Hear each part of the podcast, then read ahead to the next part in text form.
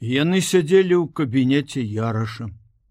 Кірыла в старым скураным крэсле, схіліўшыся, закрыўшы твар руками.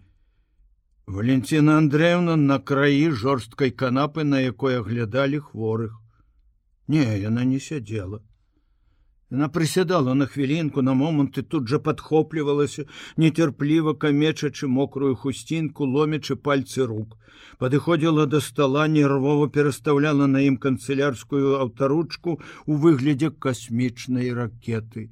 Баязліва дакраналася да чорнай скрынкі танометра, Адны тыя ж рухі кожны раз потым кідалася да прыадчыненых дзвярэй напружана ўслухоўвалася, у насцярожаную начную цішыню больніцы.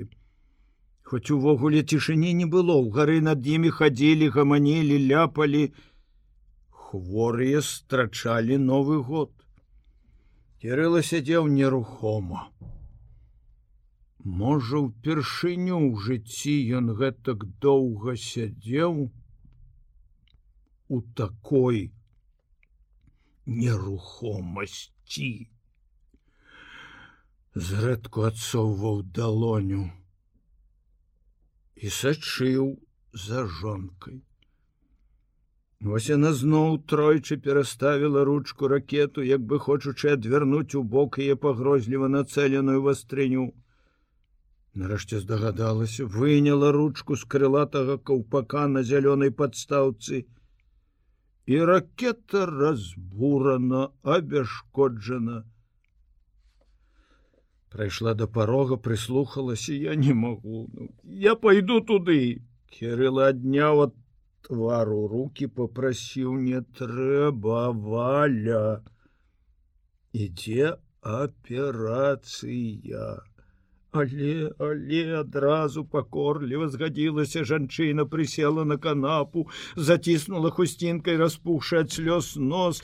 Нейкі момант было чуваць, як цікаў кірыла ў ручны гадзіннік, а потым зноў гучна затупалі ў гары, Нехта відаць скакаў па лесвіцы на мыліцах. Валентина Андреевна прыглушана ўсхліпнула. Калі ён памрэ, я таксама не выжыву ну навошта такія думкі все будет добра добра о божа мне абрыт твой оптымізм все у тебе добра а ты твой оптымізм пераходзіць ужо у абыякавасць да ўсяго да мяне да дзяцей. Все у нас будет добра. Навошта ж ламаць галаву? Хапае других праблем. Накінула гэта са злосным дакорам. Кирилла зноў попрасіў не трэба валя про гэта пасля не хапае нам яшчэ пачаць сварыцца цяпер яна разумела і ў душы ухваляла мужава маўчання ў такі момант, калі сын на аперацыйным стале. Але Алену лепш все-таки маўчаць. Чалавек робіцца прымхлівы, калі ведае, што блізкі яго на краі жыцця. Не трэба думаць пра яе смерть. Але Валенціне Андреевне лезлі ў галаву самыя жахлівыя думкі. Таму ёй цяжка было сядзець у нерухомасці і тым больш маўчаць. Яна зноў схапілася, зноў падышла да стола, механічна працягнула руку, але ні да чаго ўжо не дакраналася. Пэўна, яе несвядома трывожыла ракета. Не, гэтага я не магу зразумець абвяшчаць сябе знаўцам чалавечых душ, пісаць разумныя кнігі, разумныя артыкулы і не разумець, не ведаць уласных дзяцей, чым яны жывуць. Жонка за гэтыя колькі гадзін, як прыйшло трагічнае паведамленне, который раз дакарае яго то мякка з жаночай слезлівай чулівасцю то цвяроза злосна. Кирилла ўрэшце не вытрымаў і першы раз кінуў ёй вучыць чужых дзяцей. Валентина Андреевна змоўкла да нічога прыслухалася паўтарыла яго словы здавалася неўсвядомлена. Вочы чужых дзяцей мабыць асэнсаваўшы загаварыла з горыччу з болем. Але вучы чужых. У тым і бяда. Хіба я апраўдваю сябе я хочу разобраться ну чаму? Чаму так выходзіць? Чаму ты ну мы так мало ведалі? Так мало цікавіліся жыццём сына.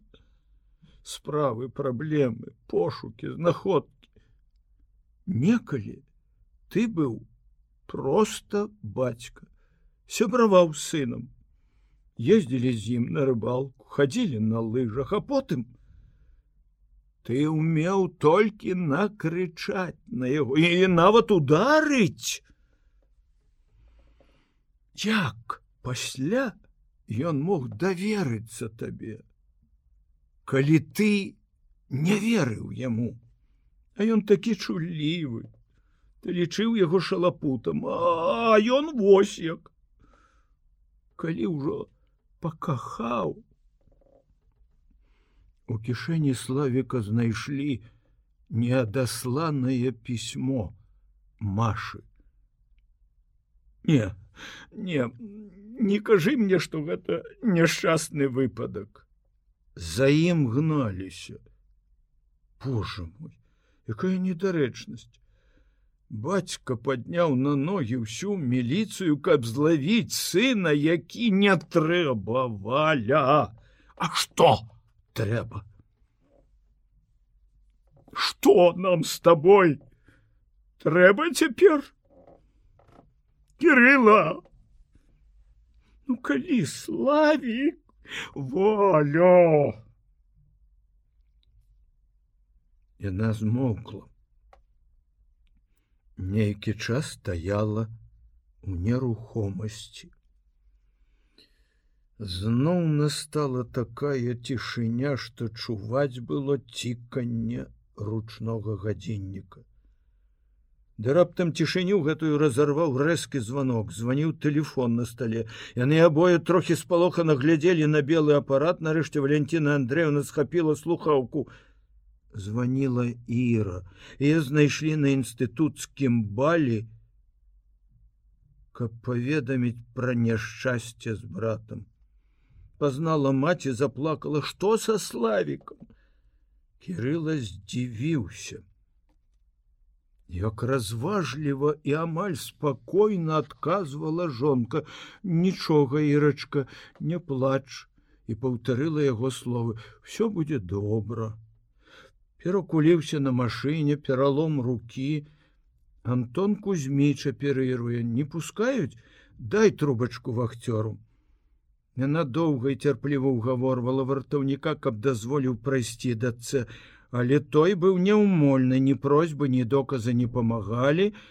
Пачакай там і рок Антон кузьміч дазволіць супакойвала яна дачку калі тая зноў взяла слухаўку что не думай про гэта.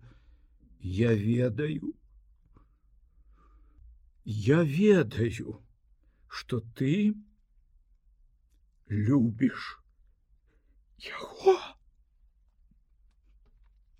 Валентина Андреевна поклала слухаўку і зусім знясіленая прысела на канапу. Якія жорсткія людзі гэты стары что чурбан не магу і ўсё Ён выконвае свае абавязки Пасля даволі працяглай паўзы Валентина Андреевна сказала: « У нас добрыя дзеці кирыла. Іра так перажывае, што яны пасварылись. Ты ведаеш, кажа мама, як я люблю яго. Валентина Андреевна заплакала, па-дзіцячы ўсхліпваючы. Не трэба, валя. Ну, ты ж сама сказала. Всё будзе добра. Маўчы, калі ласка. Зноў твой дурны аптымізм. Яны доўга пасля гэтага сядзелі ў маўчанні, думалі пра адно, але магчыма по-рознаму. Маці могла задаць тысячу пытанняў сабе мужу усяму свету. Але ў такім стане ёй было не да пошукаў адказаў на іх, на гэтыя трывожныя пытанні. Ёю уяўляўся славік, маленькім добрым ласкавым чулым. І яна вінаваціла сябе что так рано палічыла яго дарослым. І думала як зоймецца дзецьмі ў будучым калі няшчасце міне сям'ю. Кирилла наадварот спрабаваў даць адказы на гэтые чаму жончыны і свае ўласныя. Ён думаў шырока, самакрытычна, што ў яго, таксама як і ў тых, каго ён выкрывае, часам жыве абыякавасць да чалавека нават блізкага. Валя мае рацыю. Здараецца і, на жаль, нярэдка, што за карыснымі патрэбнымі справамі, якімі займаешся за гуманнымі высокароднымі мэтамі, часам хаваюцца звычайнае себялюбства, эгоізм, індывідуалізм. Відаць, найлепшае жыццёвае правіла, будь добры да других і бязлітасны да сябе. А мы яшчэ часцей бываем лепшымі в адносінах да сябе чым да других крокі ў калідоры хуткія лёгкія але з цяжкім поступам. Аж далося дрыжалі сцены і брынчалі шыбы. Яраш шыковічы адразу абодва падхапіліся чакалі як найвышэйшая суддзю са страхам і надзеяй Антон Кузьміч у дзвярах звыклым рухам руки сунуў на подбородак павязку выгляд яго суровы і велічны у васляпляльна-белым каўпаку і ў жаўтаватым халаце спалохаў Валентина Андреевна яна застыла з нямым пытаннем на твары ў вачах нічога арганізм малады здаровы аперировали своечасова адужае. Маці ўзрадаваў яго бадзёры голас яго лекарская упэўненасць але адначасова непрыемна і ўразіла. Лепшы друг сям'і яраш гаворыць пра славіка як пра звычайного хворага. Мяне непакоілі раны на галаве. Але яны дробязь рассек відаць казырком у А так зламаны ўсяго тры рабрыны. Всяго жахнулася Валентина Андреевна. Пералом руки шок э, траўматычны это нам не вельмі падабаецца але нічога. Цяпер мы ўзброены лекавымі ракетамі. Пусцім у ход все сродкі Яраш плюхнуўся, аж застагналі з пружыны ў тое крэсла, дзе толькі што сядзеў кирилла, закінуў нагу на нагу, дастаў з-пад халата гадзіннік. О з новым годам сябры мае з новым! Горка усміхнулася Валентина Андреевна. Не вешай носа валя, прыйшоў новы год прыйдуць новыя радасці трэба нам з табой кирылам хоць спірту по мензурцы цяпнуць за новы год. Трэба панура згадзіўся шыкович Валентина Андреевна, не будучы ніколі ханжой, аднак амаль узненавідзела іх у гэтым іх мужа і доктара, які ўратаваў яе сына, якога яна ўвогуле Бога тварыла за тое, што ў такі момант, калі славік можа на валаску ад смерти, яны збіраюцца піць спірт, кашчунства. Туды можна Антон Кузьміч, нельга, зашываюць перавязваюць навошта маці глядзець на гэта? Хутка яго прывязуць у палату. Ты неумольны я неумольны папяроска ёсць кирилла ведаючы что яраж закурвае толькі у выключных выпадках. Валентина Андреевна раптам зразумела, якой нялёгкай была для яго аперацыя. І ў міг даравала яму і спірт і абыякова грубы тон.